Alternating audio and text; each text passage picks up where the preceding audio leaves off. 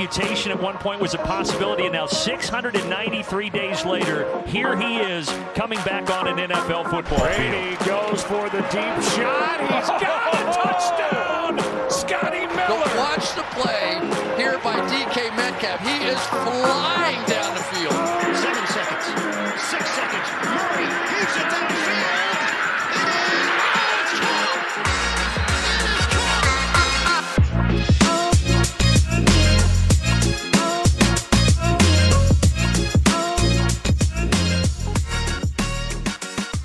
Welkom iedereen bij een nieuwe aflevering van de Sport Amerika NFL podcast. Mijn naam is Toon Aert en we zijn vandaag 24 december. Dat wil zeggen dat we vandaag een speciale kersteditie hebben van de Sport Amerika podcast.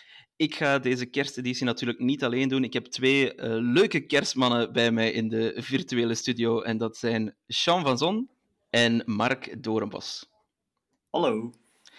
Heren, het is kerstavond vandaag. Eh, gaan jullie iets speciaal doen eh, voor de kerst vandaag, morgen? Of zeggen jullie eh, kerst? Daar doe, eh, daar doe ik helemaal niet aan mee, Mark. Eh, kerst is bij mijn familie niet iets super groots. Ik, eh, ik vier het gewoon eh, met het gezin, mijn ouders en mijn zusje en eh, aanhang. En jij, Sean, grote feesten? Ja, natuurlijk de NFL kijken. Ehm, Red Zone op zaterdag. En eh, ja, morgen inderdaad naar familie toe. En eh, ja, het gewoon rustig aan. Geen, eh, geen grote feesten ook bij mij. Ja, voor mij ehm, is het wel redelijk feestelijk. Niet dat ik daar iemand jaloers mee wil maken of zo, maar ik moet twee dagen op een rij naar, naar allerlei feesten gaan en daardoor ga ik eh, Red Zone missen vanavond. Dat vind ik dan wel weer eh, heel jammer. Maar goed dat je het zegt, Sean, want inderdaad, heel belangrijk eh, voor iedereen die luistert. Het is al Red Zone op zaterdag. Alle, de bulk of the games spelen zich vanavond af en niet morgen. Maar morgen hebben we nog een aantal games, maar die zijn ietsje minder aantrekkelijk als ik ze zo even eh, op het schema bekijk. Maar daarover gaan we eh, het straks wel even hebben. Voor we hem erin gooien, eh, een aantal korte nieuwsjes die zich deze week in de NFL hebben voorgedaan. Miles Austin, dat is de wide receivers coach van de Jets, die is geschorst door de NFL omdat hij de gambling policy van de NFL geschonden heeft. Het gaat hier niet zoals bij eh, Calvin Ridley over eh, het gokken op NFL-wedstrijden, maar wel op andere sporten. Ik- weet niet, Sean, vind jij, vind jij dat nog van deze tijd dat zoiets gedaan wordt? Want de NFL, eh, volgens mij, promoot wel gewoon goksites, nee? Het is bizar. Je wordt helemaal doodgegooid met goksites en dergelijke. En dan mogen eigen spelers, ook al gokken ze op iets anders, eigen coaches niet gokken en krijgen ze zelfs een schorsing. Tuurlijk, de integriteit komt in gevaar als je voor je eigen team gaat gokken dat ze verliezen. Ehm, maar alles daarbuiten, dat je eigen team wint, dat een ander team wint. Ja, tuurlijk wil je dat je eigen team wint. Laat het gewoon toe. En eh, reguleer het. Ehm, laat spelers er open over zijn. En ja, wat, wat kan het kwaad als ze op hun eigen team wedden om te winnen? Dat, dat doe je eigenlijk toch als coach altijd. Ja, precies. Misschien niet als je de Texans bent eh, dit seizoen. Ja, ja, ja. Ehm, Sean McVay, die, eh, dat is de headcoach van de Rams natuurlijk, die beleeft eh, niet zijn meest feestelijke jaar eh, dit jaar. Eh, die heeft verklaard dat Aaron Donald, de superster eh, defensive tackle, eh, dat hij wellicht niet meer speelt dit seizoen bij de Rams. Mark, eh, eh, kunnen we nog één reden bedenken waarom we nog een wedstrijd van de Rams zouden willen zien? Eh, nou, heel eerlijk, niet echt eigenlijk. Tenzij je ervan geniet om een eh, Baker Mayfield disasterclass te bekijken, ja, dan, dan zou ik het vooral aanzetten. Maar voor het, voor het hoge niveau hoef je het niet aan te zetten. Maar dat, dat hoeft eigenlijk het hele seizoen al niet. Nee, het is echt wel. eh, het, is, het is een van de grootste teleurstellingen, denk ik, dat ik de laatste jaren al gezien heb. Van, van Super Bowl winnaar naar echt bottom feeder in de NFL. Het is een, een spectaculaire drop-off geweest. En, Ja, ehm, Hun ziel verkocht eh, voor de Super Bowl. ja, ja, Ja. precies. Ik las dat er nog nooit een Super Bowl winnaar zo vroeg is uitgeschakeld voor de playoffs het jaar erop. Ja, dat, eh, dat zegt helaas genoeg, eh, vrees ik. eh. En, en een rebuild wordt ook moeilijk, denk ik, in LA met het eh, weinige kapitaal wat ze nog no- over hebben. Even wat uh, technische moeilijkheden. Ook uh, onze, opname, onze virtuele opnamestudio is al, in, uh, is de kerststemming of is al in kerstvakantie, vrees ik. Maar we gaan gewoon door, want zo zijn we. We, we blijven gaan bij Sport Amerika. Sean, ik vroeg aan jou um, of die offensive linemen van de Browns en, en de Packers, Jenkins en Conklin, of zij een goede deal hebben getekend. Vier jaar en een dikke 60 miljoen dollar. Ja, zeker. Um, ik denk dat het voor beide partijen een hele goede deal is. Um, zoals je zei, in free agency ja, zijn de offensive linemen zitten gewoon niet heel dik erin. En dit zijn gewoon hele sterke offensive linemen. Ja, en het is veel geld, maar ja, het levert toch ook heel veel op als je die peperdure quarterback beschermt. Absoluut. Er was ook al een uh, Thursday Night Football game. De Jaguars, die gingen, de Jacksonville Jaguars moet ik zeggen, die gingen op bezoek bij de New York Jets. Daar stond uh, ene Zach Wilson opnieuw under center bij New York. Uh, Mark, ik, ik had hier opgeschreven in mijn voorbereiding. Ik denk dat Zach Wilson enkel kolen zal terugvinden in zijn kerstsok dit jaar, want cadeautjes moet hij niet verwachten in New York, vrees ik. Nee, nee het, vorige week speelde hij uh, best wel een degelijke pot, denk ik, tegen de Lions. Maar uh, dit, ja, het, was, het was vreselijk. Het, het, was echt niet om aan te zien. En op een gegeven moment werd het zelfs een beetje gênant toen uh, de vierde, fourth string quarterback, wiens naam maar even op dit moment ontglipt, erin kwam. En hij, die, deed een paar, die gaf een paar passes die echt niet fantastisch waren. En het publiek stond op de banken. En ja, dat, dat zei eigenlijk alles over, over hoe er op het moment naar Zach Wilson wordt gekeken. En uh, Robert Sala zei na de tijd dat het nog niet het laatste was wat we van Zach Wilson hadden gezien. Maar ik denk dat eigenlijk iedere Jets-fan hoopt dat, dat het toch wel echt het laatste is wat we van hem hebben gezien. Ja, die, die, uh, ik denk dat ze in de, in de Jets uh, community maar één uh, wens hebben. Dat is dat Zach Wilson nooit meer terugkeert als quarterback. zelfs niet als backup, volgens mij ja, Sean, het was Chris Straveller die, die erin kwam, undrafted quarterback, een aantal jaar geleden. Um, en inderdaad, het publiek ging uit zijn dak. Het was wel het was pijnlijk, het was pijnlijk om te zien. Ja, uh, ik vind het leuk om bepaalde NFL-spelers een soort cultstatus te geven, zoals Ben DiNucci en Trace McSorley. Um, ik moest toch Chris Straveller even googlen. Um, en dat heb ik niet vaak, bij welke sport dan ook. Maar ja, uh, ze gingen wel heel diep. Um, ja, Zach Wilson, ik blijf het zeggen, het is niet best. Ik denk dat zijn kerstwens uh, toch wel uit is gekomen. Op TikTok is er momenteel een trend gaande waar dochters hun uh, moeders laten zien in outfits. En nu houdt ja, Zach Wilson van de oudere, oudere dames. Um, dames van middelbare leeftijd. Dus die heeft waarschijnlijk de tijd van zijn leven, terwijl Jets-fans uh, alleen maar op hem zitten te schelden. Maar het is natuurlijk tekenend voor Zach Wilson. Um, je hebt al heel vaak gezien, hij heeft totaal niet door wat de situatie is. Zowel op het veld als buiten het veld. De awareness is er niet. Um, het is bijna alsof de jongen geen schaamte kent. Um, het team staat totaal niet achter hem, de spelers staan niet achter hem. En uh, ja, het is gewoon een vreselijk huwelijk gebleken tussen, uh, tussen de Jets en Zach Wilson. Wat ik ja, wat eigenlijk heel veel mensen vooraf eigenlijk hadden kunnen voorspellen. Ja, ze weten het nu wel zeker. Denk ik eh, dat het met Zach Wilson niet zal lukken. Waar het wel mee zal lukken, denk ik, is in Jacksonville met Trevor Lawrence.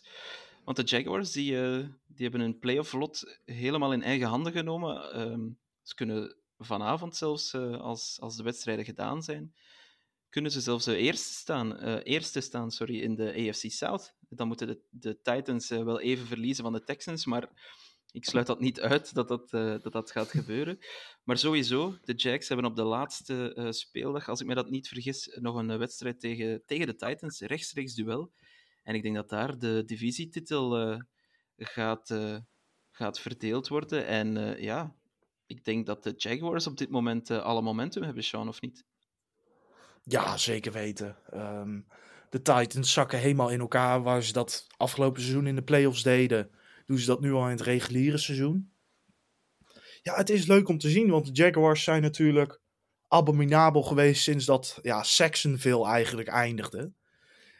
En ze krabbelen boven. Uh, Trevor Lawrence laat zien dat hij een meer dan capabele quarterback is in de NFL. Zeker na toch wel shaky eerste seizoen. Ehm, ja, ze hebben echt wel de gunfactor, want ze spelen leuk. Goede spelers, ehm, verschillende mensen die opstaan waarvan je het niet gewend bent. Ja, echt wel eh, de gunfactor.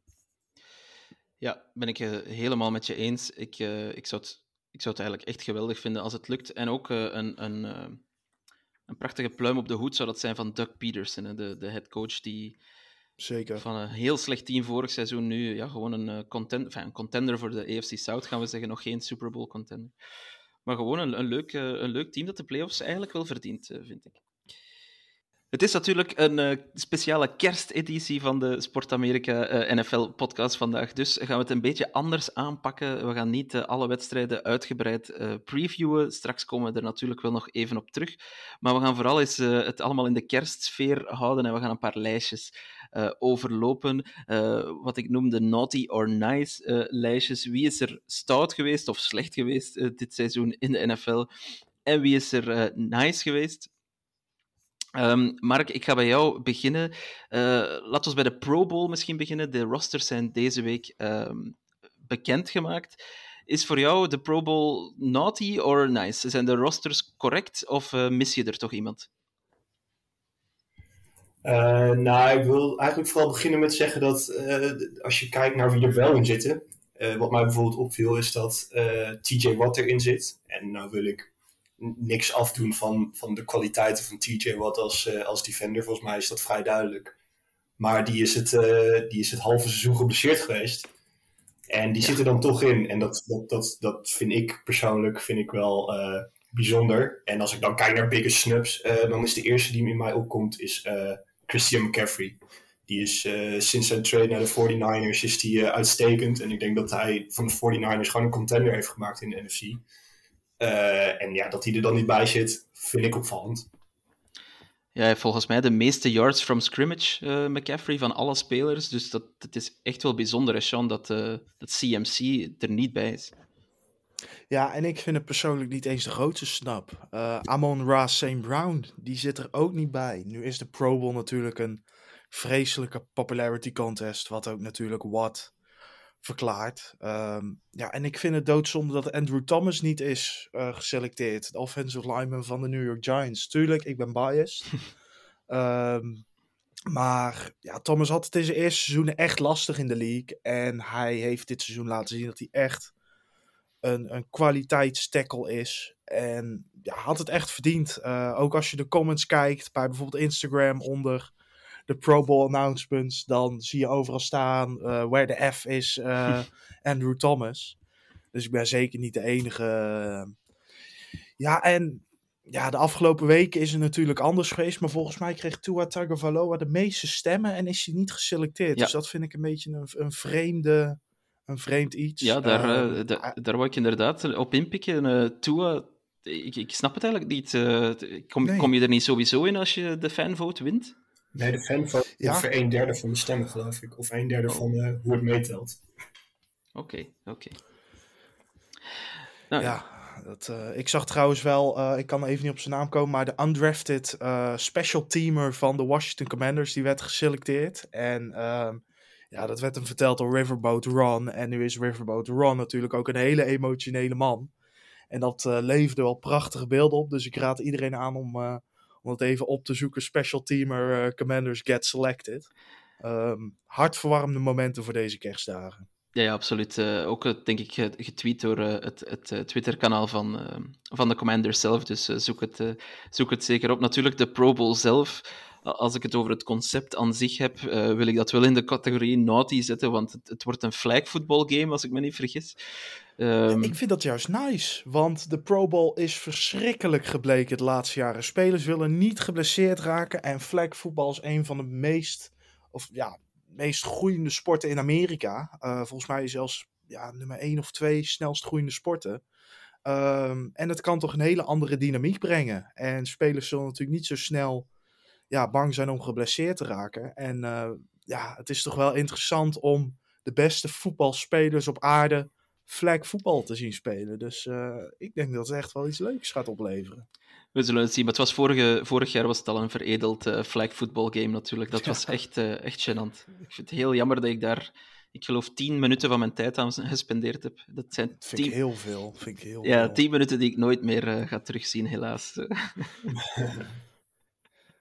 Ehm, Mark, eh, ja, we hebben het heel vaak, heb ik de indruk, eh, bijna vaker dan, dan anders, over de, over de arbitrage, over de scheidsrechters, de zogenoemde zebras. Ehm, ja, ik vroeg aan jullie, wat is de meest naughty actie dat, eh, dat een referee dit seizoen al, al heeft uitgevoerd? Wat is, waar is jouw keuze opgevallen? Ja, ja, volgens mij is dat lijstje vrij eindeloos als je er echt heel diep over na gaat denken. Maar de eerste die eh, bij mij zo eh, te binnen schoot was de, touchdown die de Raiders vorige week tegen de Patriots kregen. Waarbij het volgens mij vrij duidelijk één voet out of bounds was. Eh, nou de manier waarop de Patriots vervolgens die wedstrijd verliezen, dat krijgt dan denk ik terecht meer de aandacht. Maar ja, in, in eerste instantie had die touchdown van de Raiders helemaal niet moeten tellen. En dat, dat vind ik dan wel weer een vrij opvallende fout van de scheidsrechters. Want ja, voor mij was het een vrij overduidelijke out of bounds.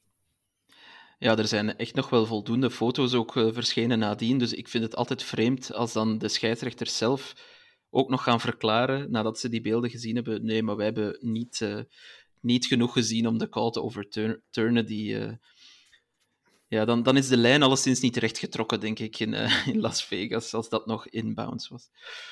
Ehm Sean, wat is jouw meest naughty scheidsrechtersactie?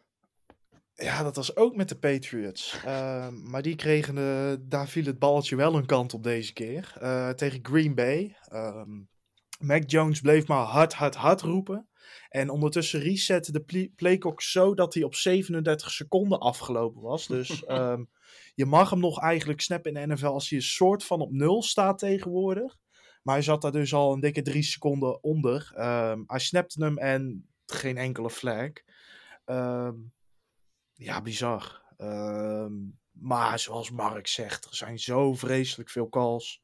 Ik kan er ook eentje bedenken van de Giants tegen de Jaguars, waar ehm, Dexter Lawrence, ehm, Lawrence van de, van de Panthers eigenlijk even, ja, aait over zijn, zijn buik, heel even aan zijn shirt trekt en een roughing the passer call tegenkrijgt. Eh, terwijl we ik moet wel zeggen, we hebben ook roughing the passer calls, of non-calls gezien in roughing the passer, waarvan je denkt, nou, dit is echt een gevaarlijke call, en, eh, of een gevaarlijke tackle, en er wordt niks gecalled. Ehm, Die van eh, Milano Maar- misschien? Eh, Die, die van Milano van de Bills Ja. tegen, wie was het? Mike, Mike White? ja, tegen Mike White, volgens mij hadden de Bills iets tegen Mike White in die wedstrijd, arme jongen. Maar ehm, we moeten in ieder geval dankbaar zijn dat ze niet zo slecht zijn als de scheidsrechters in de NBA, want ehm, als je letterlijk verkeerd naar hun kijkt, krijg je al een technical. Eh, laatst kreeg iemand een technical omdat hij iets zei tegen een fan. Eh, gewoon grappig en niet eens scheldend of wat dan ook. Eh, het kan altijd erger, maar het moet inderdaad wel gewoon veel beter Ja. bij de NFL refs. Ja, het is, het is grappig dat je het zegt, roughing the passer, want dat is ook mijn moment, namelijk de, de roughing the passer die ja, in het voordeel van Tom Brady werd gecalled tegen de Falcons. Bucks tegen de Falcons in week 5. Ja, het is minder als je niet meer bij de Patriots speelt, hè, Toon. Dan is het in één keer niet meer leuk. nee, joh, ik, ik gun hem nog steeds de wereld, maar eh, dat was echt wel een, een, een schandalige call. Dat, dat was, het, was, het was ook zo'n moment waar, waar hij, denk ik, eh, ja, gewoon aan zijn schouder getrokken wordt of zoiets en, en neergaat. Hup, daar komt dat vlagje. En dat was ook gewoon op een moment dat de Falcons aan het terugkomen was, waren in de wedstrijd. Dus het was, het was ook nog eens game, eh, game influencing. Dus ehm, dat, op dat vlak vond ik, eh, vond ik het echt eh, ja, een, een egregious call, zoals ze dan zeggen in het Engels. ja, sommige quarterbacks, als je er te hard op ademt, krijgen ze al een roughing the passer mee. Eh, en dat zijn toch vaak de oudere quarterbacks als Rodgers en Brady. Terwijl gasten als, als Lamar Jackson er echt alles en alles moeten doen om een roughing the passer call mee te krijgen. Omdat natuurlijk scrambling en running quarterbacks zijn. Ja, er moet gewoon één lijn getrokken worden, hoe groot je status ook is natuurlijk. Ja, absoluut. Maar Brady gaf het zelf ook toe. Hij zegt, ja, ik vraag gewoon altijd om de call. Dus ja, dan, Ja, ja het werkt. Ja, absoluut. wel eerlijk in ieder geval. Ja, Ja. Over quarterbacks gesproken, eh, Mark. ehm, welke quarterback is voor jou eh, ja, dit seizoen in de, in de slee van de kerstman gesprongen en heeft de grootste leap forward gemaakt eh, tegenover vorig seizoen? Hele mooie vergelijking. ik, eh, ik heb voor Trevor Lawrence eh, gekozen. Eh, ik, ik weet niet of jij dit nog weet, Toon, maar ik kan me nog herinneren dat wij een AFC preview podcast hebben opgenomen voordat het seizoen begon. En toen zei jij dat je geloofde in Trevor Lawrence en wat hij aankomend jaar gaat zien. En ik en Lars, die, die, die waren het daar niet helemaal mee eens. Dus bij deze een half jaar later mag je wat mij betreft wel redelijk je gelijk ophalen. Want Trevor Lawrence die, die heeft echt sprongen gemaakt dit jaar. En dan helpt het natuurlijk wel mee dat je met Doug Peterson, dat zei je net ook al, een, een normale coach hebt. Uh, maar desalniettemin, ik denk dat Lawrence met name de laatste weken hele veelbelovende dingen laat zien. En als ze dit zo door kunnen bouwen in Jacksonville, dan, dan heb je de quarterback voor de toekomst, denk ik, in Lawrence. Ja, absoluut. Ik denk dat hij de tweede quarterback is sinds week 9 in, volgens PFF. Dus dat is, dat is best indrukwekkend. Um, nu ga ik niet te veel pluimen op mijn hoed steken, want ik ben 99% van de tijd gewoon wel mis. Uh, dus, uh, dus goed, ja. Juist meer vieren dat je wel goed zit, ook. Nee, maar uh, een, een, gebroken klok is ook juist twee maal per dag. Dus laat, laat ons daar niet te veel, niet te veel over doorgaan. Sean, ik heb, ik heb gezien dat jij meerdere quarterbacks in het, in het spotlight zou willen zetten. Ja, tuurlijk. Trevor Lawrence, uh, Justin Fields, Tua, uh, Jalen uh, Hurts. Allemaal gasten die, die het veel beter doen. Maar ik wilde toch eentje. En wederom, ik ben biased. Maar twee jaar geleden, richting eind oktober, speelden de Giants tegen de Eagles. En had Daniel Jones een run for the ages. Ja. En toen viel hij om. Hij, hij struikelde vanuit het niks. En ik dacht, dit is de vreselijkste quarterback die ik ooit heb zien spelen voor de Giants. Um, hij heeft zich gepakt. En echt bizar goed. Tuurlijk, het is allemaal niet van bizar hoog niveau. Maar hij, hij heeft die constant die turnovers niet meer. Uh, het is geen Danny Durp, maar het is echt meer Danny Dimes geworden. En um, ja, het is gewoon heel fijn om te zien. Ik weet niet of dat het de uh, quarterback van de toekomst is voor de Giants. Uh, het zal erom spannen ook in die laatste weken.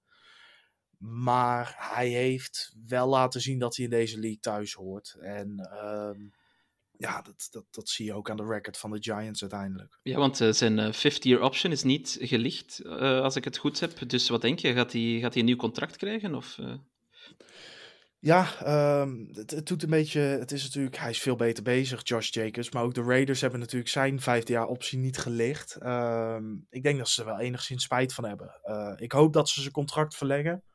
Ik zie de Giants niet uh, een quarterback in deze draft krijgen die goed genoeg is om het team verder te brengen dan Jones. Uh, in ieder geval niet op de positie waar de Giants mogen draften. Maar um, ja, stel je, je teken Jones voor de komende drie jaar, denk ik echt wel dat hij een team wat toch nog steeds in rebuilding is, echt wel uh, verder kan brengen. Alleen ga, je wa- zullen zien. Ja, alleen ga je waarschijnlijk meer moeten betalen dan dat je hem in zijn uh, 50-year option had moeten betalen. Ja, dat zeker, dat zeker. Um, heel eerlijk, uh, dat verdient hij ook wel met het spel wat hij tot nu toe heeft laten zien. Wederom, het is allemaal niet groots. Het is geen Mahomes Magic of net zoals Tua. Maar het is degelijk en dat is ook meer dan oké. Okay. Uh, mijn quarterback die ik zou willen uh, ja, bejubelen is Geno Smith. Um, mm. Gino, het, het, het, komt echt helemaal uit het niets uh, wat mij betreft. Het zal ook de eerste keer zijn sinds zijn rookie season in 2013 alweer, dat hij, dat hij nog eens zoveel games zal starten. Hij gaat nu zijn vijftiende game starten komende, van, vandaag. Um, en dat is inderdaad geleden uit 2013. En vooral, hij breekt al zijn eigen records uh, dit seizoen. Completion percentage, uh, yardage, uh, zijn, zijn touchdowns. Hij heeft al 26 touchdowns geworpen. Hij heeft een quarterback rating of een passer rating van 105,3 gemiddeld. Wat ik toch wel echt bizar goed vind, is nog, mee, nog steeds de meest accurate quarterback in de NFL dit seizoen. Dus qua leap of qua, qua onverwachte goede prestatie, had ik dit toch wel echt helemaal niet zien aankomen. Hij moest nog in competition gaan met Drew Lock, of all people, in het offseason. Maar uh, Gino, ja, ook free agent volgend jaar. Hè? Mark, wat denk je? Gaat Gino bij Seattle blijven of uh, gaat hij ergens anders een mooi contract versieren? Uh, ja, dat is wel een interessant vraagstuk natuurlijk. Omdat uh, de, de, Seahawks hebben die, uh, die pick van de Broncos, waarmee ze best wel hoog kunnen kiezen in de draft. Dus er bestaat een kans natuurlijk dat ze overwegen een quarterback te nemen. Al zie ik in de meeste mock drafts, die natuurlijk nu nog heel vroeg zijn, zie ik wel dat Seattle waarschijnlijk voor een verdediger gaat. Maar had je me dit een maand geleden gevraagd, had ik gezegd: Seattle wil hoe dan ook Gino houden. Maar de laatste weken is de klatten natuurlijk wel een beetje ingekomen. Dus ik denk dat ze nu wel even iets meer hun opties aan het afwegen zijn. Eh, wat ze met hem gaan doen. Quarterbacks, die uh, zetten we natuurlijk altijd uh, een beetje centraal in de aandacht. Ook wij maken er ons schuldig aan. Maar laten we ook eens naar wat andere spelers kijken. Sean, Welke speler verdient uh, vandaag of morgen uh, een extra portie kerstkalkoen uh, vanwege een ongelooflijke play die hij maakte? Ja, dit was een handen op het hoofd play. George Pickens in de eerste wedstrijd tegen de Browns van dit jaar. Een one-handed catch die echt deed de denken aan die van OBJ. Hij strekte zich helemaal uit en ja, half met gevaar voor eigen leven ving hij die bal. Ehm, ja, een bizarre play en ik moet zeggen, ik heb hem denk ik misschien nog wel twintig keer teruggekeken als highlight. Ik kon er geen genoeg van krijgen. Ook al was het tegen de Browns. het, het was zo'n bizar mooie catch. Ehm, ja, ik, ik was ook wel een beetje sprakeloos en uh, handen op het hoofd. En van, wat gebeurt er nu in vredesnaam? Dit hoort niet te kunnen. Ja, Pickens ook wel een, een breakout speler hè, bij Pittsburgh. Een van de weinigen. Ja, inderdaad. Ehm, het is bij Pittsburgh is de, de quarterback situatie natuurlijk ook niet lekker. Um, door slecht spel, blessures. Ja, en toch weet Pickens, als hij de bal krijgt, zijn plays te maken. En uh, ja, uh, het, het heeft toch wel iets weg van Antonio Brown. Ook met hoe hij hoe die zichzelf opstelt en een beetje toch dat excentrieke. Uh, nu is te hopen dat... dat Pickens een stuk minder hersenschuddingen krijgt en iets normaler blijft. Um, maar uh, ja, de kwaliteit zit er zeker wel bij Pickens.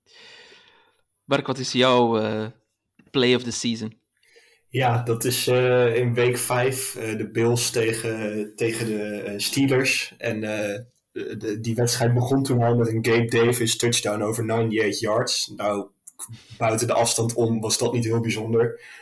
Maar de tweede catch die Gabe Davis die, uh, die dag maakte, dat was een one-handed catch uh, voor een touchdown van uh, iets van 62 yards. En ja, hoe die, zijn, die cornerback eruit loopt en hoe die die bal vangt en loopt volgens binnen. En dan sta je ook nog, na twee catches, sta je volgens mij op 140 yards receiving.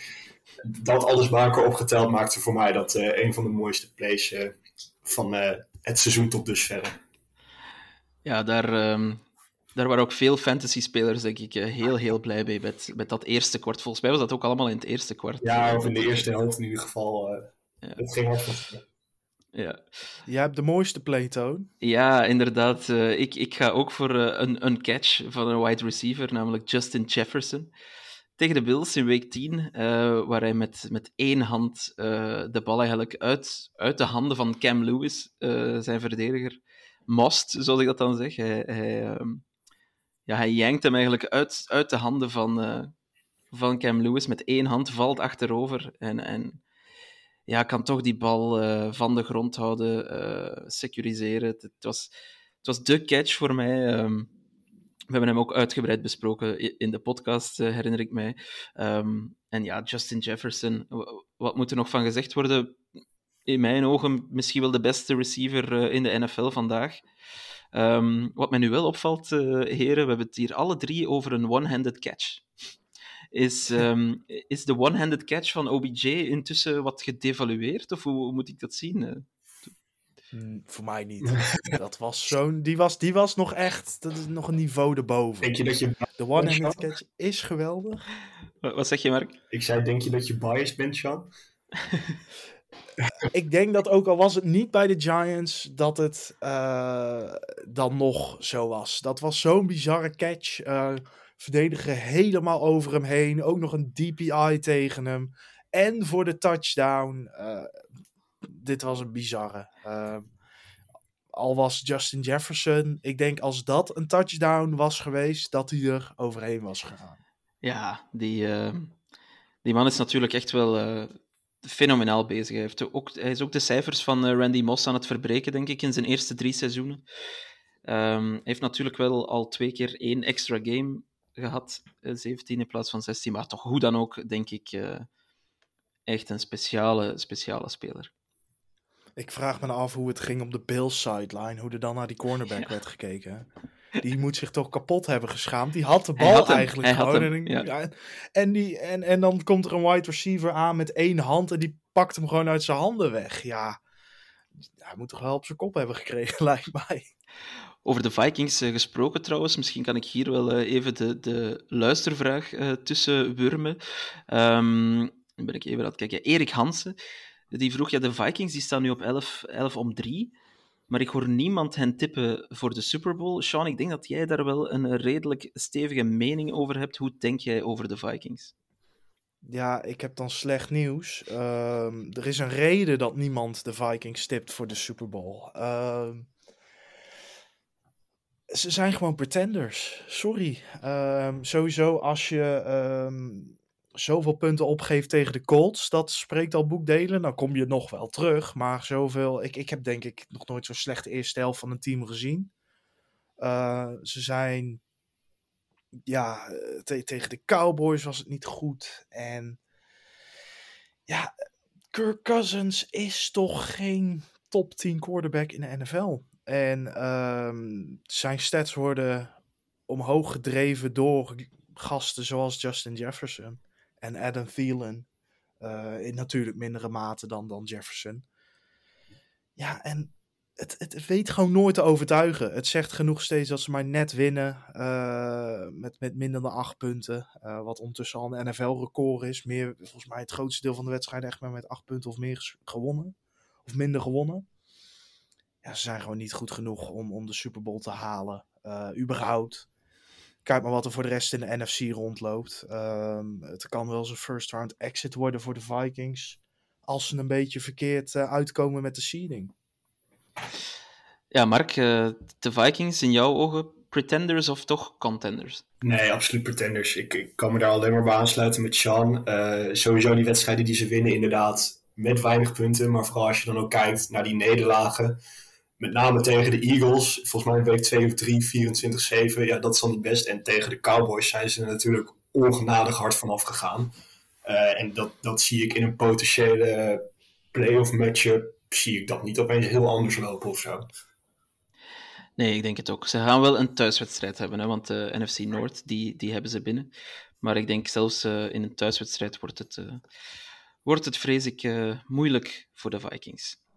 Um, laatste kerstvraag. Nee, dat is niet waar, maar een leuke kerstvraag wel. Um, uh, Mark, wie is jouw Grinch van dit seizoen? En misschien even uitleggen: een Grinch is iemand die kerst steelt of die een goede, een goede vibe, een goed gevoel steelt en eigenlijk ja, een beetje een naar, een naar persoon is. Ja, voor mij kan dat er maar één zijn. Dat, dat is Russell Wilson. Uh, ik Let's ride! Ik, ik, denk hij, ik, denk dat hij kerst bijna letterlijk heeft gestolen bij de Broncos. Want iedereen, inclusief ik, dacht, nou, nu gaan de Broncos, die, die gaan meedoen. Die, die zijn een goede quarterback verwijderd van een potentiële Super Bowl matchup. Uh, en met Wilson hebben ze die nu. En nou, we, we, weten allemaal hoe het is gelopen. De, de, Broncos, dat is echt niet om aan te zien. En met name aanvallend is het, is het niet om aan te zien. Dus uh, ja, voor mij kan dat er echt maar één zijn. Dat, dat is Russell Wilson. En inderdaad met zijn Let's Ride uh, cringe lijkt op cringe. Uh, dus ja, ik, daarmee besluit ik denk ik uh, mijn pleidooi. Mooi, mooi. Hoe, hoeveel high knees kan jij in een vliegreis van zes uur doen in een vliegtuigmarkt? Want ik denk dat Russell Wilson er meer kan. ja, ik, ja nou, dat heeft hij dan op mij voor.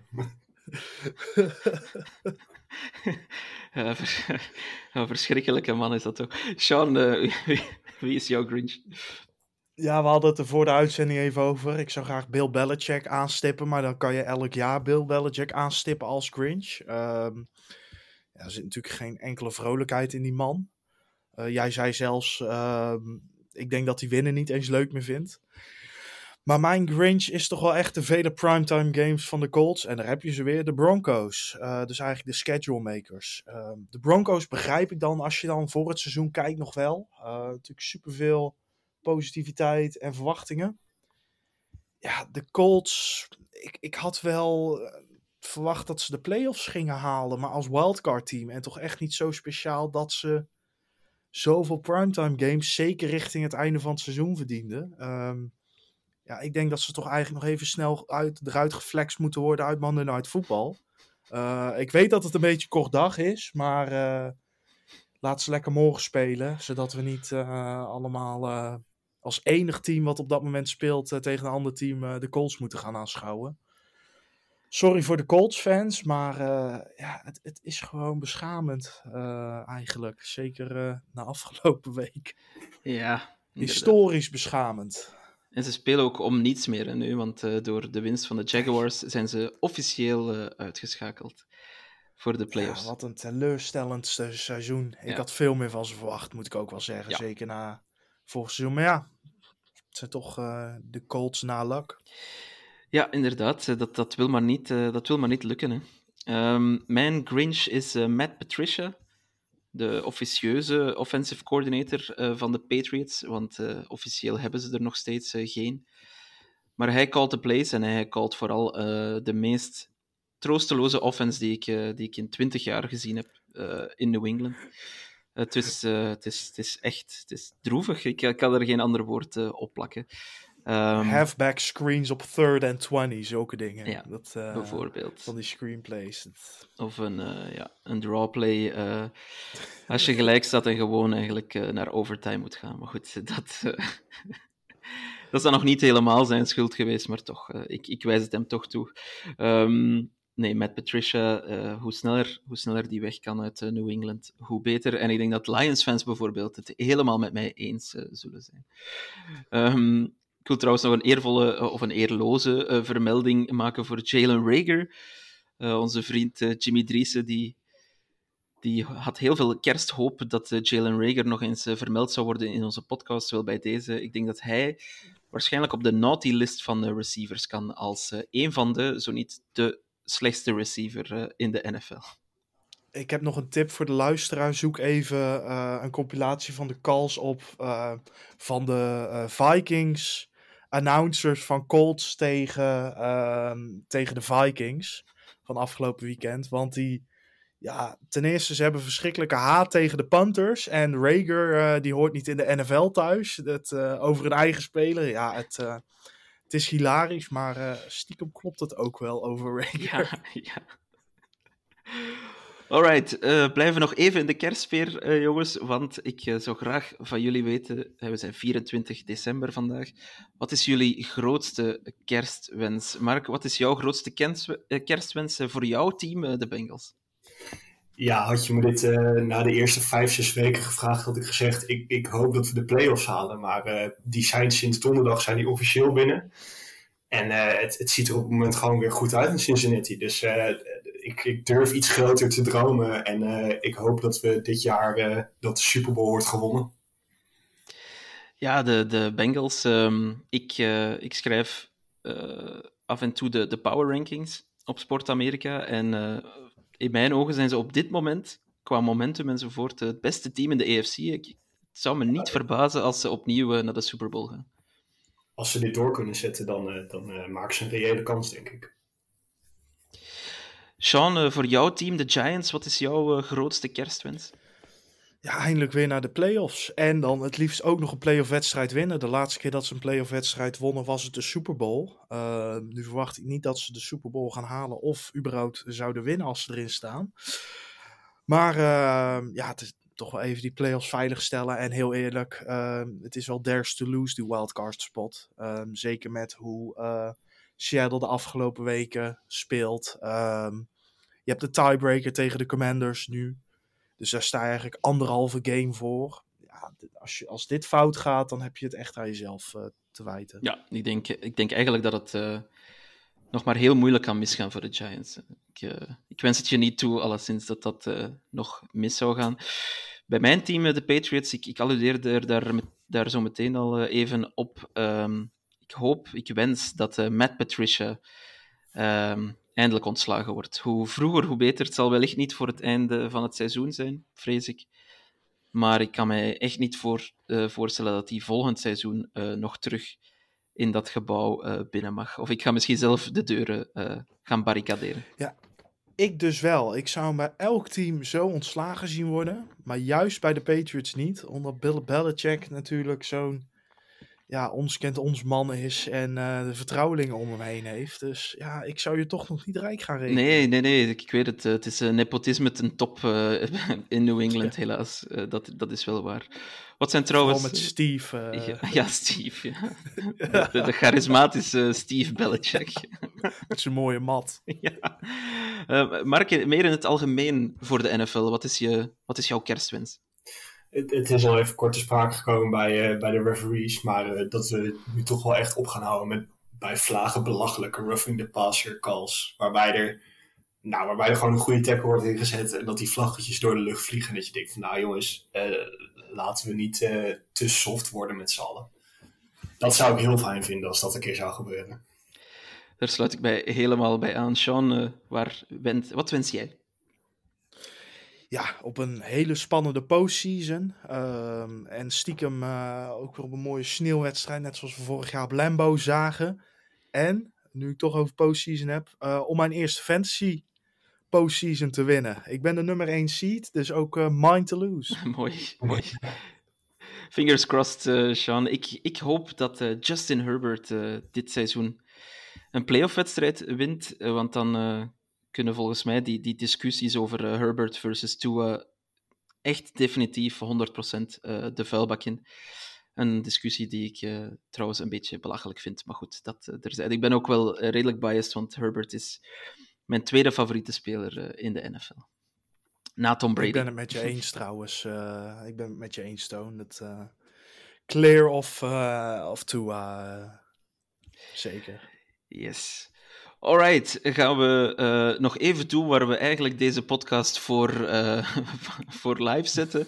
Namelijk de voorspellingen, heren. De voorspellingen van uh, een heel slate kerstgames. Er zijn er 15 dit kerstweekend en we herhalen het nog één keer. De meeste vinden al vanavond plaats, dus Red Zone op zaterdag, niet op zondag vanwege kerstmis.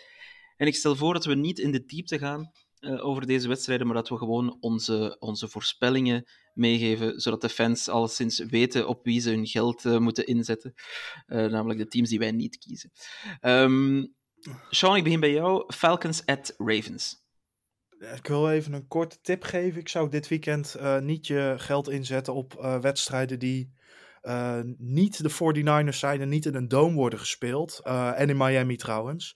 Uh, het waait keihard en het gaat richting de min 15, min 20. Um, met dat gezegd te hebben, uh, ik denk dat de Falcons deze winnen. Want ja, de Ravens weten mij toch echt niet te overtuigen de laatste weken. Zeker niet met de budgetversie van Lamar Jackson under center. Nee, inderdaad. Nog altijd zonder Lamar. Uh, Mark, Falcons at Ravens, wat denk je?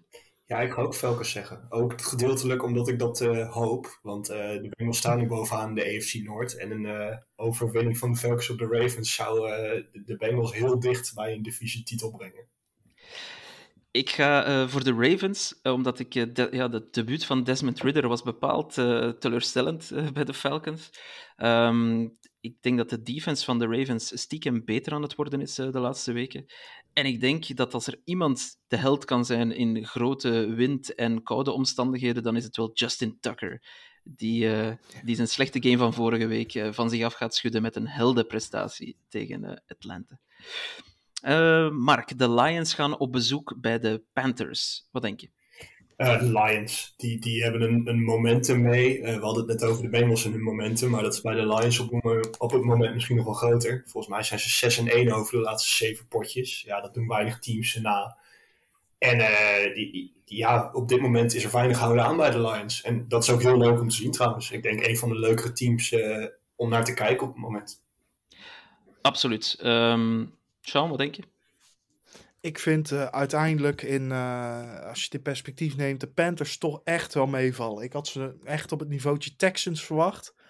Maar ze doen gewoon nog mee voor de divisietitel. Tuurlijk, um, de NFC South is verschrikkelijk. Maar ehm, ja, wat Mark zegt, de Lions hebben zulke momentum. En ik denk dat bijna iedere NFL-fan hoopt dat de Lions gaan winnen en de playoffs ingaan. Ehm, dus ja, ik hoop slash denk dat ze deze wedstrijd gaan winnen. Ja, ik ga ook uh, de Lions uh, callen. Al was ik vanochtend naar uh, NFL Network aan het kijken en ze hadden wel een goed punt, namelijk Jared Goff, die buiten speelt. Dat is altijd weer een ander verhaal dan Jared Goff in een dome. Dus dat, dat valt even af te wachten. Ik denk dat het een close game gaat worden, een low-scoring game ook, ondanks de offense van de Lions. Maar, maar ik zie de Lions het toch, het toch binnenhalen. Dan uh, de Bills, die gaan naar Chicago. En in Chicago is het uh, uiteraard zeer koud. Dus uh, de Bills bij de Bears, Sean. Wat gaat daar gebeuren?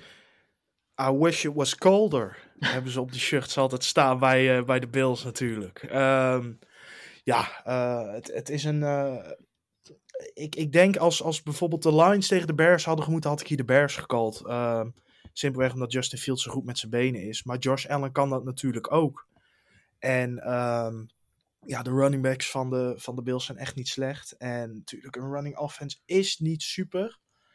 Maar ja, ze moeten. Uh, en ze zullen echt wel een gameplan heel de week op hebben afgesteld. Met het weer in gedachten. Ja, en qua kwaliteit, ze zijn gewoon veel en veel beter. Dus uh, de Bills. Ja, Justin Fields, uh, voor al het leuke dat hij laat zien, komen er wel nooit wins bij. Dat is, dat is, dan, ja. dat is dan het jammer. Dus ik zou ook de Bills zeggen. Wat, wat jij, Mark? Ja, ook de Bills, uh, lijkt me duidelijk. Ja. Dan uh, gaan we naar een uh, stadion, een, een, stad, Cleveland, waar, het, waar de gevoelstemperatuur min 37 graden Celsius is op dit moment. Ga er maar aan staan, New Orleans Saints, zou ik zeggen. Sean, New Orleans at Cleveland, wat, wat denk je? Ja, de running game van New Orleans is gewoon slecht. Camara komt niet tot, tot zijn recht. En um, dat is bij Cleveland heel anders met Chubb. En is Chubb een beetje moe, dan heb je altijd nog hand. Uh, de Dog Pound zal blaffen vandaag en uh, de Browns gaan deze winnen. Mark, denk jij dat ook? Ik, uh, ik heb daar weinig aan toe te voegen. Ik denk dat uh, deze voor de Browns is, zeker in deze omstandigheden. Ja, het is uh, alleen uitkijken of er een bal uh, misschien gaat vastvriezen aan een van de handen van de spelers. Want... Ja, ik, ik, hoorde een goede tip van Jimmy, uh, volgens mij. water over de bal doen en gewoon aan de running back geven. En dan vriest hij wel vast. Ja. Dus, Kunnen ze hem niet verliezen, absoluut. Daarom. de Seahawks die gaan op bezoek bij de Kansas City Chiefs. Mark, ja, de Chiefs die moeten dit comfortabel kunnen winnen, denk ik. Ja, daar ga ik wel, uh, daar ga ik wel vanuit. Ondanks dat de Chiefs niet. Ja, nou, die, die hebben de AFC West al binnen, maar die kunnen nog altijd voor de number one seed gaan. En uh, dan moeten ze dit soort potjes natuurlijk gewoon binnenhalen. En ik ga ervan uit dat ze dat ook uh, gewoon gaan doen. Ja, Jarek McKinnon weer een, een reuze game, Sean. Ja, ik, uh, ik, ik hoop het. Uh, het zal fijn zijn voor mijn fantasy ook natuurlijk. dus, uh... nee, de Chiefs zijn natuurlijk veel beter. En um, die willen goed eindigen het seizoen om lekker de playoffs in te gaan. En ja, ik moet zeggen, alles wijst ernaar dat dat gewoon gaat gebeuren. Ja, ik denk het ook. Ik denk dat de Chiefs dit alleszins moeten winnen. Dan jouw Giants, Sean, op bezoek bij de Vikings. Dat is dan wel weer in een dome. Um, zijn de Vikings wel favoriet, denk ik. Hè? Um, ik moet trouwens zeggen, ik denk dat iedereen op de blote knieën bedankt dat het stadion af is. Want een paar jaar geleden speelden ze nog in het open stadion van de University of Minnesota. Uh, ik denk dat dit dan de koudste wedstrijd in de historie van de NFL had geworden. nou, gelukkig niet. Ik denk dat ze niet heel ver de favoriet zijn. Um, het is eigenlijk bizar. Uh, natuurlijk waren ze vorige week de Vikings ook niet favoriet tegen de Lions. Terwijl de Lions natuurlijk een veel slechter record hadden.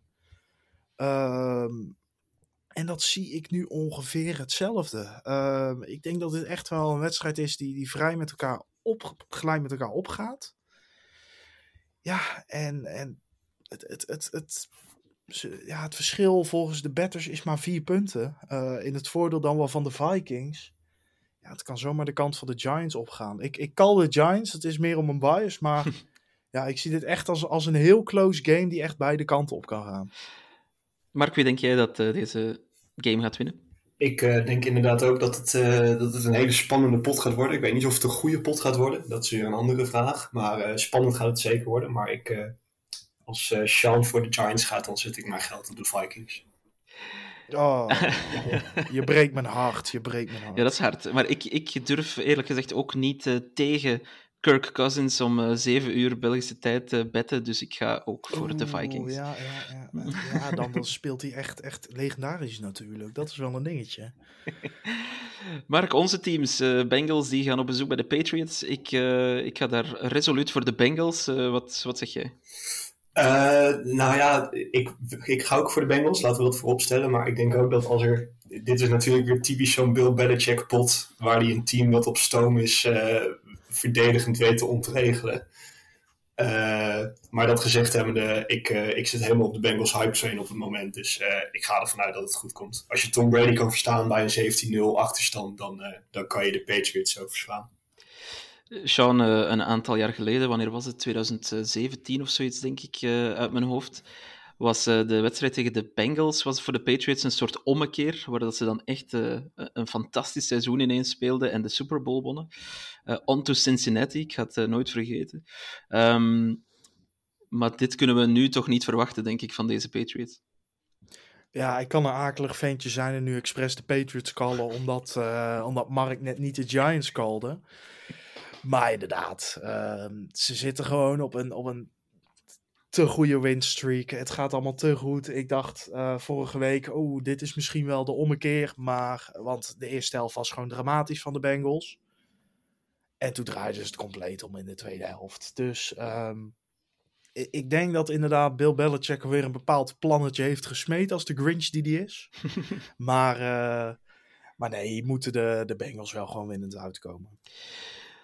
Alright, de Texans bij de Titans. Dat, eh, je, je verwacht er op zich niet zoveel van van die game, maar dat heeft wel veel ja, grote implicaties. Want als de Titans niet winnen, staan de Jaguars gewoon aan kop in de AFC South. Dus eh, Sean, zeg het maar, kunnen de Titans zonder Tannehill winnen van de Texans? Nee. Eh, ik zei eerder in de podcast eh, dit seizoen dat ik nooit de Texans of de Broncos zou callen. Maar nu ga ik toch wel de Texans callen.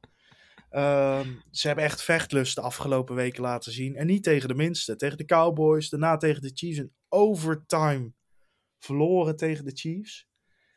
Ja, er zit echt spirit in. En de Titans staan er ook wel onbekend om de bal ehm, ja, spreekwoordelijk te fambelen. En eh, de divisie te fambelen. En eh, ja, dit gaat eh, het verschil maken, waardoor de Jaguars uiteindelijk de divisie winnen. Wat denk je, Mark? Gaat het mis voor de Titans tegen de Texans of all teams? Nee, dat denk ik niet. Ik zag gisteren nog een statistiekje voorbij komen dat Derrick Henry in zijn laatste vier potjes tegen de Texans stel, steeds meer dan 200 rushing yards heeft aangetikt. En eh, ik denk eigenlijk ook dat hij ze, eh, dat hij ze gewoon eh, vanavond weer volledig de vernieling in gaat lopen. Ja. Dat zou ik ook heel fijn vinden, want ook Derrick Henry speelt in mijn fantasy team. Ik heb een soort, eh, soort Legion of Doom eh, gecreëerd. dus heel succes voor de mensen in mijn fantasy league. Ja, en in dit, in dit soort weer kan het alleen maar helpen. Maar ik, ik, ga, ik denk dat ik ook de Titans ga zeggen. Ik denk wel dat de Jaguars het uiteindelijk gaan halen in de AFC South, maar dan rechtstreeks tegen de Titans en niet, niet vanavond. Ehm, de Commanders dan, de Washington Commanders, die gaan op bezoek bij de 49ers. Nog steeds, als ik dat goed heb, met Brock Purdy. eh, Mr. Irrelevant, al eh, mogen we dat eigenlijk niet meer zeggen, want hij is heel relevant geworden. Mark, eh, kan, kunnen de Commanders iets doen tegen de 49ers?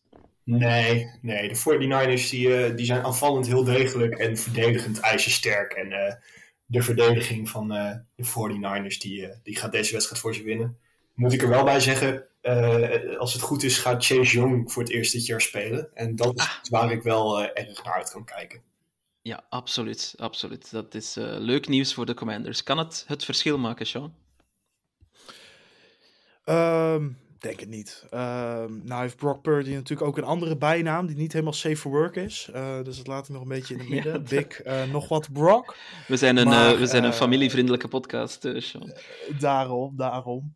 Ehm, nee, de 49ers zijn gewoon op alle fronten de betere tegenover de Commanders. Tuurlijk, de Commanders hebben ook wel een goede defense, maar ja, die van de Niners is gewoon de sterkste in de NFL. En de aanval is ook vreselijk ja, bangmakend voor tegenstanders. Dus ja, ik denk dat dit een walk in the park gaat worden voor, eh, Voor de 49ers. Ja. In een, eh, ja, voor hun koud Santa Clara. Want het is daar een graad of 15, dus is het winterjassen aan in Californië. Ik, eh, ik zie een eh, CMC Revenge game aankomen voor, eh, voor de Pro Bowl snap. En dan eh, misschien wel de, de, ja, de, de grootste topper vanavond. De Eagles eh, op bezoek bij de Cowboys. Eh, niet met Jalen Hurts, maar wel met Gardner Minshew. Ehm Hurts heeft zijn schouder eh, geblesseerd. Maar de Eagles bij winst ze hebben de nummer 1 seed in de NFC te pakken. Eh Sean, wat denk je? Ja, dat gaan ze doen. Eh, de legende in George eh, met het matje in zijn nek en de, eh, de mooie gezichtsbeharing Gardner Minshew, die gaat het gewoon doen. Ik heb het al eerder gesteld. Ik denk dat bij minstens 15 teams in de NFL Gardner Minshew gewoon zou starten. En ja, hij zit net in de situatie bij de Eagles, waar hij gewoon een hele goede hurts voor zich heeft. Ja, hij is een free agent na dit seizoen en hij gaat deze wedstrijd laten zien waarom hij een contract verdient bij een team en daar starting quarterback gaat zijn. Ehm, het wordt close, maar Gardner Minshew gaat het winnen voor de Eagles. Mark, eh, Cowboys of Eagles? Eh, ja, ik zeg, ook, eh, ik zeg ook Eagles. Maar dan moet ik er wel bij zeggen, ik hoop heel erg dat het een beetje een eh, spannende pot wordt. Want ik denk dat als de Eagles eh, de Cowboys wegblazen zometeen, dan, dan is de spanning er eigenlijk wel een beetje vanaf in de NFC. Want dan is het echt Eagles en misschien 49ers, maar dan kan je dat al bijna uittekenen. Dus ik hoop heel erg voor mijn eh, verwachtingen van die kant van de playoff bracket dat eh, de Cowboys het de Eagles in ieder geval moeilijk gaan maken. Ja, voor de Cowboys alleszins wel echt een belangrijke game om inderdaad eh, te laten zien dat ze bij de, bij de toppers horen hè, in de NFC. Eh, maar ik ga ook wel de Eagles eh, callen, omdat Minshew is zo'n eh, is zo'n fantastisch verhaal. Dan gaan we naar zondag, kerstdag. Daar staat een heel speciale game op het menu. De, de Las Vegas Raiders op bezoek bij de Steelers. Hierbij natuurlijk een heel belangrijke viering. Dat is de viering van de Immaculate Reception, 50-jarige verjaardag. Maar helaas zonder de man eh, zelf, zonder Franco Harris, de legendarische running back, eh, die ook in de Hall of Fame eh, zit. ehm, en die dus die onbevlekte ontvangenis, zeg maar, voltooide voor een touchdown. Die is helaas een beetje onverwacht ook overleden deze week, een paar dagen voor de viering.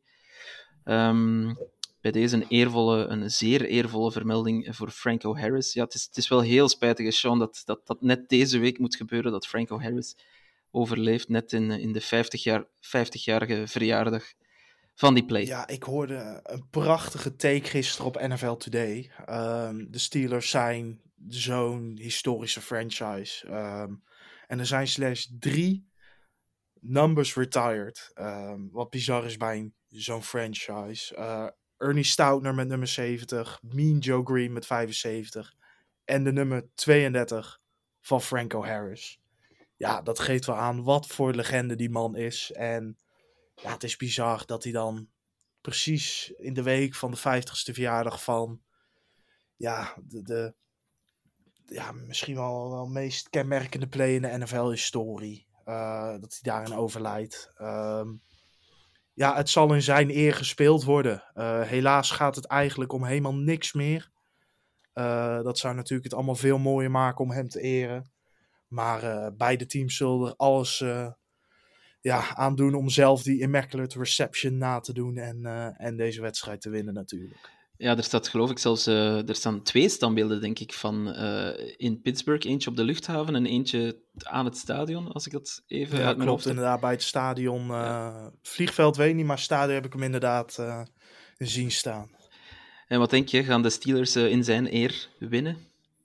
Ja, ja. channelen de energy van, eh, van Franco Harris. En eh, zoals het hoort winnen ze deze wedstrijd. Wat denk jij, Mark? Ja, ik zeg toch Raiders. Vrees ik eh, voor eh, de Steelers-fans en eh, deze anniversary. Want de Raiders zijn er ondertussen redelijk een beetje in vorm gekomen. En in deze vorm zijn ze wel beter dan de Steelers, wat mij betreft. Ja, de Raiders toch eh, een team waarvo- waarvoor het jammer is dat, dat het seizoen nu 17 games duurt, want ik denk dat zij eh 100% 8 om 8 waren gegaan dit seizoen. Echt het typische 50% team wat mij betreft, de Raiders. Maar ik denk eigenlijk dat met, eh, met al die mooie omstandigheden, en ik weet het wel, er, er bestaat niks als eh, sprookjes, maar het is kerstmis.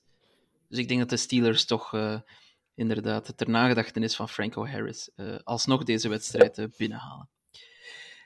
Dan hebben we nog twee, drie absolute topwedstrijden op het programma op kerstmis. de Packers die gaan op bezoek in Miami bij de Dolphins. Sean, kunnen de Packers, ja, die moeten denk ik alles nog winnen om nog een waterkans te maken op de playoffs. Kan dat lukken? Um, sorry Lars, Lars helaas. Uh, jouw Packers, uh, dat gaat fout dit weekend en die verliest tegen de Dolphins. Um, tuurlijk, ze hebben, een, ze hebben de mars opwaarts ingezet, maar ja, de Dolphins, het gaat allemaal wat minder natuurlijk de laatste weken, maar dit is een wedstrijd die ze gewoon thuis gaan winnen. En ja, het Waterloo zal, zal deze week zijn voor, voor Green Bay. Ik denk dat ook. Ik denk dat de Dolphins uh, orde op zaken zullen stellen. Ze waren eigenlijk wel al goed tegen de Bills en nu gaan ze het ook effectief uh, afmaken. Denk jij dat ook, Mark? Dat denk ik ook. Ik uh, voel een Tua revenge game voor zijn Pro Bowl snap aankomen. Oh, ja. Er komen misschien wel meerdere revenge games aan. Sean, je zei dat je twee teams niet wou callen dit seizoen, namelijk de, wat was het, de Texans en de Broncos. Nu wil het toeval dat de Broncos op bezoek gaan bij de Rams, die volgens mij amper nog NFL-waardige spelers over hebben. Dus ga je ze alsnog callen, de Broncos? Nee, natuurlijk niet. Um, hier blijf ik echt ook gewoon. Kijk, de Texans, daar kan je geen hekel aan hebben. Uh, dat is gewoon een slecht team en daar zitten niet mensen in die unlikable zijn. Um, de Broncos wel. um, vooral Russell Wilson en Nathaniel Hackett, die verschillende calls doet waarvan je denkt, wat is dit nou weer? Um, ja, uh, Baker Mayfield Revenge Season is het weer uh, tijd daarvoor. En uh, nee, ik, ik denk dat de Rams deze winnen. Het, het, het, ja, de Broncos zullen heel zonder enige passie spelen. En de Rams hebben dan nog misschien nog wel het gevoel van enigszins iets goeds te willen zetten. Na natuurlijk geweldige jaren, een geweldig jaar te hebben gehad. Maar ja, voor de Broncos is het echt is het ook het seizoen uitspelen. En moet zeggen, die zitten ook wel een klein beetje in hetzelfde schuitje als de Rams. Want ze hebben natuurlijk heel veel picks weggegeven na die trade voor Russell Wilson. Yep. Ja, en um, Gino Smith is toch wel een beetje ook deels eigenhandig de legacy van Russell Wilson aan het afbreken door het zo goed te doen in Seattle is Russell Wilson geen system quarterback? Ja, goeie vraag. Pete Carroll, uh, ja, Pete Carroll krijgt toch uh, te weinig zijn, uh, zijn bloemen, zoals je dat noemt. ja, Russell Wilson, die valt toch wel een beetje door de man. Ja, nu is het natuurlijk Ripien. Ehm, maar ja, bij mij hebben de Broncos al te veel kapot gemaakt qua, qua feel-good status om, om de call van mij nu te krijgen. Ik denk dat, um, ik denk dat dat een interessant topic zou kunnen zijn voor een, voor een off-season podcast. Wat wat is de legacy van, van Russell Wilson? Mark, wat denk je? Uh, Broncos of Rams? Uh, nee, Rams. Die, uh, die gaan deze pot wel gewoon binnenhalen. Ik vind dat jullie toch vrij veel vertrouwen hebben in een team waar echt heel weinig kwaliteit overblijft. Goed. Ja, ze hebben mijn, het, het, probleem is gewoon bij de Broncos, ze hebben mijn vertrouwen geschaad. Ik had zoveel hoop in ze dat ze het goed gingen doen en met de Chiefs mee gingen doen om de ASC West. Maar Nee. Het is gewoon een bottom feeder. Ja, dat, dat klopt wel. Maar ik ga alsnog uh, de Broncos callen, omdat ik de Rams echt, echt niet goed vind. Um, dan Sunday Night Football, ook een kraker, jongens. Een absolute topper. De Buccaneers, die gaan op bezoek bij de Cardinals. Joepie. um, McSorley, de quarterback in, in Arizona. Ja, kijk, de, oh, yes. de, de, de, de Buccaneers zijn helemaal niet goed, maar toch goed genoeg om van de Cardinals te winnen, denk ik. Uh, Trace McSorley is een van mijn culthelden, ja. dus daar ben ik wel blij mee om te zien. nee, um, ja, met, met Kyler Murray hadden ze nog misschien kans gehad. Maar uh, ja, de Buccaneers zijn natuurlijk ook niet goed. Maar Cardinals wel heel droevig ook uh, natuurlijk. Veel droevige teams ja, dit, uh, dit seizoen in de NFL helaas. Ja, en ze, ze schedulen ze ook toevallig allemaal op kerstdag. Wat ik ook wel ergens zeer jammer vind. Um, Mark, wat denk je? De, de Buccaneers of de Cardinals? Nee, dit, uh, dit worden de Buccaneers. Daar ben ik zeker van. Ja, wow, dat, daar zou ik mee, daar zou ik mee op letten. Maar met, met kerst is er gelukkig nog uh, veel NBA basketbal natuurlijk. Uh, waar wel toppers te zien zijn. Dus uh, kijk hier maar de, de samenvatting van 10 minuten terug. En dan denk ik dat je genoeg hebt gezien. Of lees natuurlijk de samenvatting op sportamerika.nl. Zeer goede plug, Sean. Ehm, en een goed bruggetje naar de allerlaatste wedstrijd, want die ga jij ook verslaan, denk ik, als ik het eh, goed heb. Ja, ja. Namelijk Monday, ja, Monday Night Football. De Chargers op bezoek bij de Colts. Eh, ja, goed. Ehm, de Chargers kunnen een heel grote stap richting playoffs zetten door deze eh, wedstrijd te winnen. Ja, moet toch. Dit, dit kan je toch niet verliezen. Eh, de Colts zijn voor joker gezet vorige week. De Colts zijn voor joker gezet door de Cowboys. De Colts zijn door iedereen, door heel veel voor joker gezet. Ze hebben alleen de Chiefs zelf voor joker gezet. En dat was echt een fluke win. Ja, teleurstellend seizoen. En eh, de Chargers eh, die willen eindelijk weer eens de playoffs halen. En eh, ja, dan gaan ze inderdaad deze wedstrijd een hele grote stap mee zetten. Het is wel, als je al een aantal jaar van dichtbij de Chargers volgt, is dit de typische Chargers-wedstrijd, waar het dan weer helemaal Oh, misgaat. Dus ehm, ik, ik spreek met twee woorden, maar ik ga toch ook de Chargers callen. Wat, wat denk jij, Mark? Ja, eh, ik ga ook de Chargers callen, maar ik ben het ook met jou eens, Toon, dat dit wel echt weer zo'n klassieke pot is voor de Chargers om eh, dit te verliezen en eh playoff hopes in gevaar te brengen. Ja, maar kijk, we gaan, we gaan de kerstsfeer erin houden. We gaan positief blijven, vol hoop. Het is het seizoen van de hoop. Dus ik hoop dat de Chargers gewoon hun job doen. Daarmee hebben we alle games eh, gehad, heren. Ehm, we zijn er ondanks wat technische strubbelingen doorgeraakt. Eh, ik wil jullie heel hard eh, bedanken voor jullie bijdrage hier. En natuurlijk wil ik jullie eh, een heel vrolijk eh, kerstfeest wensen. Dat doe ik ook Van hetzelfde. ja, dankjewel. Dat doe ik ook voor onze luisteraars natuurlijk. En zoals Sean al zo goed zei, eh, vergeet zeker niet ook naar onze website te gaan, sportamerika.nl, want die staat boordevol kerstige artikelen. Tot de volgende keer. Fijne feestdagen.